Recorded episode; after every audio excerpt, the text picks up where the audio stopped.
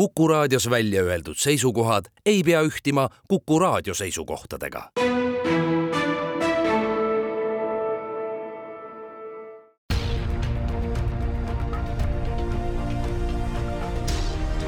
uue samba taga.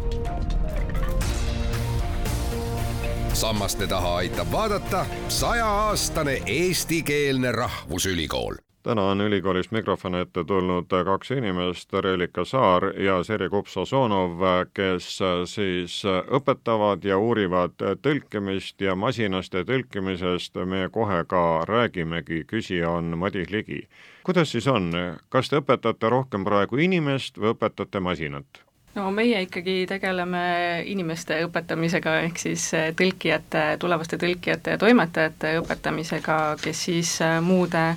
abivahendite hulgas kasutavad ka masinaid. jah, ega see on ju paratamatu, et masinad võtavad natukene tööd üle, aga nüüd on see teie töömaa, et kui palju tuleb masinal ära teha, kui palju inimene peab nagu sekkuma, kui palju need kõikvõimalikud tõlkeprogrammid äh, aitavad asjale kaasa, mida need programmid tähendavad teile kui õppejõududele? Ma arvan, et siin esmalt tuleks täpsustada seda, et, et üks asi, millest me räägime, on tõlkeabiprogrammid et see on selline tehniline abivahend ja tänapäevased tõlkeabiprogrammid reeglina sisaldavad ka masintõlget. aga tõlkijal on võimalus see funktsioon välja lülitada, kui ta otsustab, et ta ei taha seda kasutada. et tõlkeabiprogramm on see, kus tekst jaotub segmentideks, näiteks lauseteks, ja tõlkija tõlgib lause lause kaupa. ja tal on võimalik seal luua oma terminibaas, et kui näiteks äh, tõlgitakse palju ühesuguseid tekste, siis äh, masin, see programm toetab aidates leida häid vasteid, mida juba on näiteks varem kasutatud. aga masintõlge on nüüd selline, mis põhimõtteliselt tuleb tõlkimisega toime ilma inimeseta. me sisestame teksti ühes keeles ja teises keeles masin annab meile selle teksti. ja nüüd on edasi küsimus, et kui palju inimene peab sekkuma. inimene peab sekkuma täpselt nii palju, kui on soov saada kvaliteeti sest ähm, tänu masintõlkele on nüüd äh, tõlketurul selline kvaliteedikriteerium nagu piisavalt hea mis tähendab seda, et äh, professionaalne tõlkija ilmselt äh, ei loeks, kui tema ise tõlgiks seda kvaliteeti piisavalt heaks, aga masintõlke puhul on see olemas. ehk siis on parandatud ära mingisugused jämedad vead, äh, mis takistavad arusaamist, mis annavad valeinformatsiooni, aga sellised vead, mis ei takista arusaamist, aga võivad lihtsalt silma riivata, need jäävad sisse, kui soovitakse saavutada kvaliteeti piisavalt hea aga ega abist ei taha ju ükski ära keelduda, et äh, igal juhul äh, need programmid äh, aitavad, teevad töö ju kiiremaks, on nii? Jah, et tegelikult kui need abivahendid on piisavalt hea kvaliteediga, et kui nendes tõlkemäludes, terminibaasides, ka, ka masintõlke väljundis, et see, see väljund on piisavalt kvaliteetne, siis see võib tõesti anda märkimisväärse aja kokkuhoiu eelkõige. Ja no siin muidugi see tähendab just seda, et äh, eelkõige on kasu korduvate selliste üheülbaliste või väga sarnaste tekstide puhul, kus see aja kokkuhoid äh, siis ilmsiks tuleb noh, olgu need kasutamistingimused või igasugused määrused, eeskirjad, äh, seal on seda standardi ja, ja trafaretti väga palju, siis on masin abiks just, siis võib sellest kõige rohkem abi olla, kus siis jah, inimene pääseb nii-öelda sellest korduvast tegevusest, et et siin noh, see korduvus tuleb esile nii tõlkemälude puhul, mis siis on juba varem inimese poolt tehtud ja, ja kinnitatud tõlked, ka terminibaasid, kus siis on kinnitatud, heaks kiidetud terminid, ja noh, masintõlke puhul võib minna nii ja naapidi, et, et võib olla siis kasu, aga mõnikord, äh, kui algmaterjal on kehv või ei võeta masintõlkesüsteemi eripärasid arvesse, et siis võib olla ka kahju tegelikult. Et nii kasu kui ka kahju aga see piisavalt hea tuleb ikka piisavalt äh, sageli ette ja kätte? jah, no kui nüüd äh, päris nagu selliseks erialaspetsiifiliseks minna, et siis äh, räägitakse sellisest nähtusest nagu masintõlke järeltoimetamine, mis omakorda jaguneb kaheks on selline osaline või põgus toimetamine, mille tulemuseks siis ongi see piisavalt hea tekst. ja siis on põhjalik või täielik toimetamine, mille tulemus siis peaks olema võrdväärne inimtõlkija tööga ja jah, et kui on vaja kiiresti saada, kui tekst on mõeldud kitsale inimeste ringile, kui see ei lähe kuskil avalikult kättesaadavaks suurele hulgale inimestest, et siis ähm, aja ja, ja hinna tõttu nõustutakse selle piisavalt hea kvaliteediga. Aga loomulikult, kui tekst avaldatakse äh, ja saab kättesaadavaks suurele hulgale inimestest, et äh, siis ei tule see muidugi kõne alla ja, ja siis tuleb taotleda ikkagi seda maksimaalset äh, kvaliteeti. Aga teie siis õppejõududena peate ennast ka nagu ümber orienteeruma, sellepärast et üks on noh, nii-öelda konservatiivselt õpetada, aga teine astuda ajaga, te peate suisa ees sammuma, sellepärast et nii nagu tehnika areng tuleb, nii teie peate siis neid tõlkijaid, toimetajaid ka välja õpetama no see on tegelikult meie äh, õppekava eesmärk alati olnud, et valmistada oma lõpetajaid maksimaalselt äh, hästi ette sisenemiseks tööturule. meie pluss on see, et meie õppejõud reeglina on ise ka tegevtõlkijad, mis tähendab, et me ka oma selle kõrvaltööga puutume tegelikult nende samade asjadega igapäevaselt kokku et me ei räägigi millestki ainult teoreetiliselt, vaid me saame alati tuua praktilisi näiteid omaenda elust. aga jah, kui tulid äh, tõlkeabiprogrammid äh, nii-öelda väga teravalt päevakorda, siis äh, lisasime need oma õppekavasse, nüüd masintõlke puhul on meil masintõlke toimetamise aine, et jah, tuleb ajaga kaasas käia, sest muidu lihtsalt meie lõpetajad ei, ei ole konkurentsivõimelised. aga milline on selles rutulises maailmas siis selle eriala vastu huvi? Huvi tuleb esile ka näiteks äh, selle kanali kaudu, et kuna me pakume mikrokraadi programmi ja ka täiendusõpet, selliseid lühemaid äh, koolitusi oleme samuti pakkunud, siis, siis sealtkaudu ikkagi see huvi on, on olnud äh, küllaltki märkimisväärne, et noh, nagu siit ka välja tuli, siis jah, tehnika areng või tehnoloogia areng on, on see, mis inimesi tagant tõukab, et tekitab selle tunde, et peab ikkagi sammu pidama.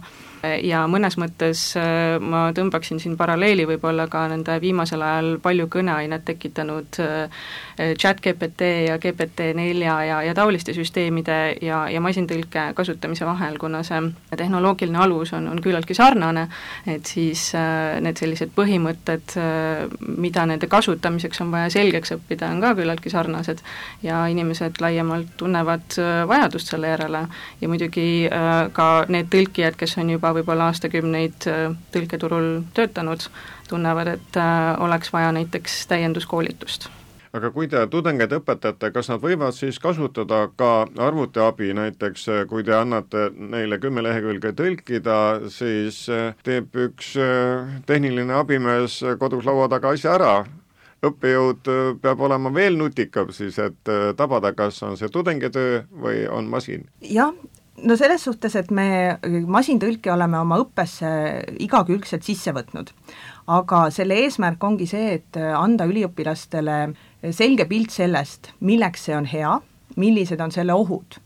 et ei tekiks neil sellist illusiooni näiteks, et aga masinaga ma saan tõlkida ka keelest, mida ma ei oska. et ma toimetan pärast ära selle, mis sealt välja tuleb, aga masin võib teha ka väga tõsiseid sisulisi vigu mida avastada saab ainult sellisel juhul, kui võtta kõrvale see lähtetekst ja, ja võrrelda omavahel tekste. et meil sellist ähm, tohutut mahtu ja kiiruse peale tõlkimist üldiselt õppetöös ei, ei ole et äh, me teeme erinevaid harjutusi küll, et mõnikord ongi taotluslikult, et palun kasutades erinevaid masintõlke äh, tarkvarasid, laske üks ja sama tekst neil ära tõlkida ja seejärel võrrelge, analüüsige toimetage, vaadake, mis seal on juhtunud, millele te tõlkijana peate tähelepanu pöörama, kui te sellist teksti peate näiteks toimetama. et ähm, jah, me ei keela kasutada, aga mina olen oma üliõpilastele öelnud, et võib kasutada, aga mulle ei tohi rumalusi saata.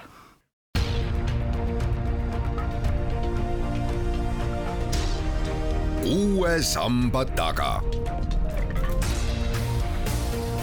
Sammaste taha aitab vaadata sajaaastane eestikeelne rahvusülikool. Jätkame saadet, no kui ma ülikooli inimestega siin räägin, siis tasub meelde tuletada, et Tartu Ülikoolis on ka masintõlkeprogramm Neurotõlge, mis siis toetab ka soome-ugri keeli, kõik on seal sees, jah? Seal on päris suur hulk neid soome-ugri keeli jah, olemas. Ja, ja võib-olla tuleb ka juurde, et kindlasti igasugused masintõlkesüsteemid on pidevas arengus ja, ja neid arendatakse just edasi nii kvaliteedi mõttes kui ka siis uute keelepaaride mõttes, et Äh, aga see, kuidas need toimivad, äh, noh praegu äh, on selleks tehnoloogiaks siis tehisnärvivõrgud ja meie enda õppekava puhul siis keskendume just mitte niivõrd isegi sellele keelepaaride hulgale, vaid just sellele, et nende süsteemide kasutajad näiteks siis tõlkijad saaksid äh, aru, äh, kuidas need süsteemid toimivad, äh, just nagu ka siin öeldud, et saaksid aru, millised on need ohukohad, millised on riskid ja saaksid aru ka sellest, et ainult nemad, noh tõlkijad kui siis keele- ja kultuurispetsialistid oskavad tegelikult ikkagi nende süsteemide väljundi õigsust hinnata. masintõlke puhul kindlasti üks suur erinevus on see, et kui me räägime nii-öelda suurtest keeltest, inglise keel, prantsuse keel, saksa keel näiteks, et siis äh, Äh, suurte keelte puhul on äh, masintõlkesüsteemid kindlasti, nende treeningmaterjal nii-öelda on mahukam, ehk siis äh, see materjal, mille alusel õpetatakse neid masintõlkesüsteeme nii-öelda siis automaatselt tõlkeid genereerima, seda treeningmaterjali on kindlasti rohkem kui väiksemates keeltes, nii et kui me räägime jah, eesti keelest ja, ja soome-ugri keeltest näiteks, siis üks teema, mis alati üles tuleb, on treeningmaterjali hulk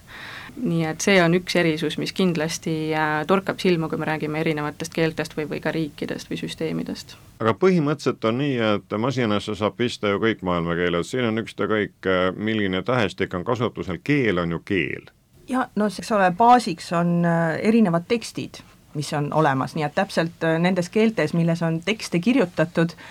ja väga hea veel on, kui on näiteks paralleeltekstid kahes keeles, et siis selle vahel toimibki see tõlkimine paremini. et selles suhtes jah, mis iganes keeles on olemas need tekstid, mida masin saab kätte, analüüsib ja sealt midagi välja nopib, et põhimõtteliselt jaa, iga keel. aga küll ei saa seda öelda kõikide tekstide kohta, et on, on tekste, mida masintõlkega tõlkida ei tohiks. Need on näiteks selliseid tundlikke isikuandmeid sisaldavad tekstid sest äh, praegu üldiselt on äh, süsteem selline, et need masintõlke äh, tarkvarad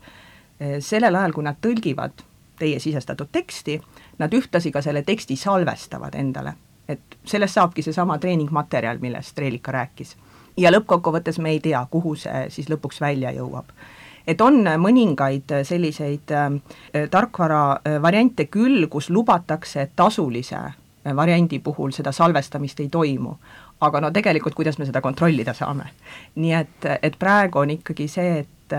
et selliseid tundlikke isikuandmeid äh, sisaldavaid tekste ei tohiks masintõlkega üldse tõlkida nii et kõikvõimalikud ankeediandmed, noh näiteks ülikooli vastuvõtu puhul või lõpetamise puhul, et äh, need äh, on ikkagi teine rida? jah, et, et kui on oht, et, et need äh, andmed, mis ei tohiks jõuda kolmandate isikute kätte, võivad sel viisil jõuda, siis targem on, on hoiduda sellest. kas näiteks maailma kõige loetumad raamatud, piiblit, on ka siis masina abil püütud tõlkida või selleks on ikkagi oskajad inimesed? no igasuguste selliste tekstide puhul, mis ei kategoriseeru tarbetekstide hulka, et kui me räägime ilukirjandusest või, või muudest sellistest tekstidest, näiteks piibel,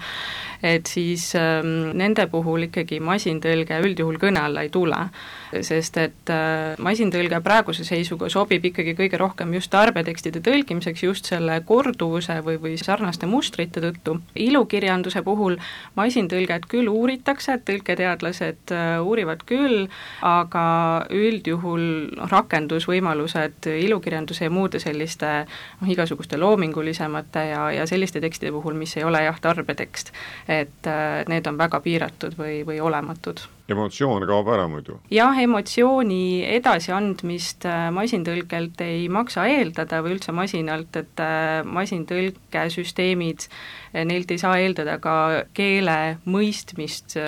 ja keele kasutamist samal viisil, nagu inimesed keelt kasutavad ja mõistavad, et, et seetõttu siis ka see emotsiooni külg jääb ikkagi inimeste pärusmaale praegu kuid nii või teisiti, nagu te ütlete jah, et, et üks on nüüd see, et te õpetate, te ise teete ka teadust ja mul oli üllatus, et meil on isegi tõlkemagistrite liit Euroopa Tõlkeuuringute Liit, te olete Relika ka mõlema liige. nii et see näitab, kui palju on ka neid inimesi, kes seda rida ajavad. jah, tõlketeadus äh, eraldi on äh,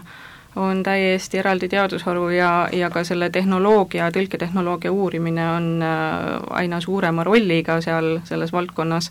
Äh, ja liidud muidugi on suurepärased võimalused kõiki neid aina uuenevaid teadmisi omavahel jagada, kas siis tõlkijad omavahel või tõlketeadlased omavahel. ja äh, need liidud aitavad siis ka neid teadmisi äh, laiemale avalikkusele levitada kui inimesed tulevad ülikooli tõlkeõpetuse magistriõppesse, siis milline on nende see vundament ehk mille pealt nad tulevad? inimeste taust on, on väga erinev et äh, tõesti on, on seinast seina, et kuna meil on magistriõpe, siis äh, see eeldab seda, et inimene on äh, bakalaureuse hariduse omandanud siis juba mingisuguses valdkonnas. ja tore on tegelikult see, et see ei pea sugugi olema filoloogia, et inimene ei pea olema lõpetanud mõne keele, vaid meil on väga, väga toredaid vilistlasi, kes on näiteks tulnud keemikuharidusega või juristiharidusega. Ja see on neile hilisemas elus äh, väga suureks äh, plussiks olnud, sest äh, lisaks siis sellele omandatud tõlkija kutsele on neil olemas suurepärased teadmised mingisugusest kitsamast valdkonnast, mis tähendab, et neil on väga hõlbus spetsialiseeruda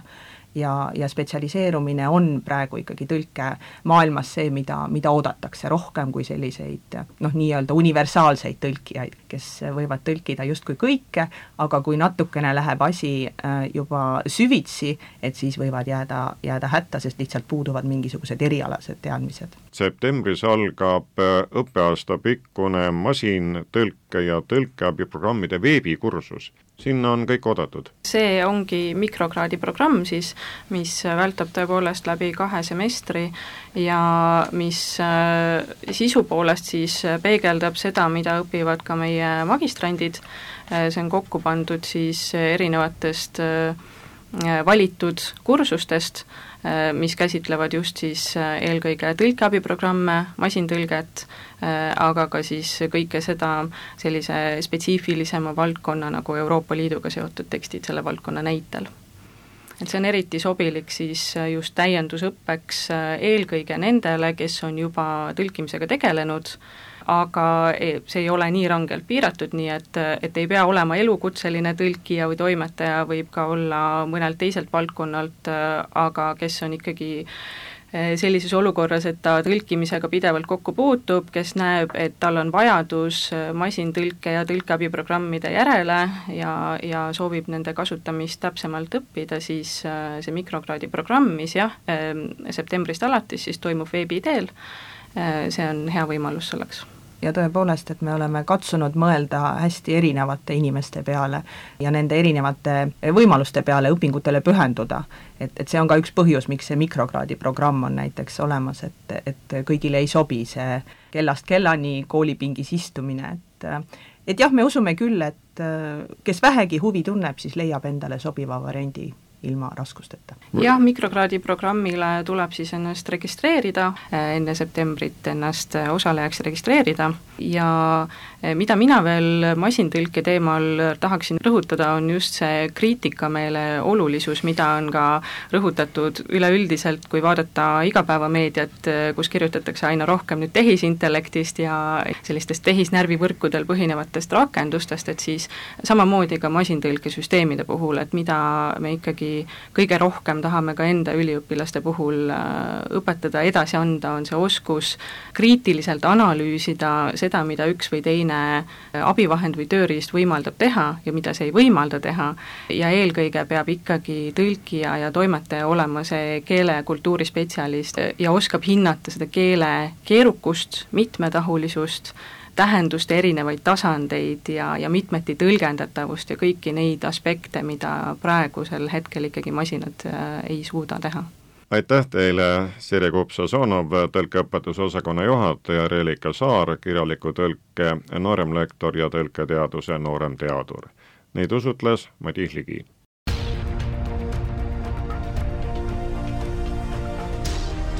uue samba taga sammaste taha aitab vaadata sajaaastane eestikeelne rahvusülikool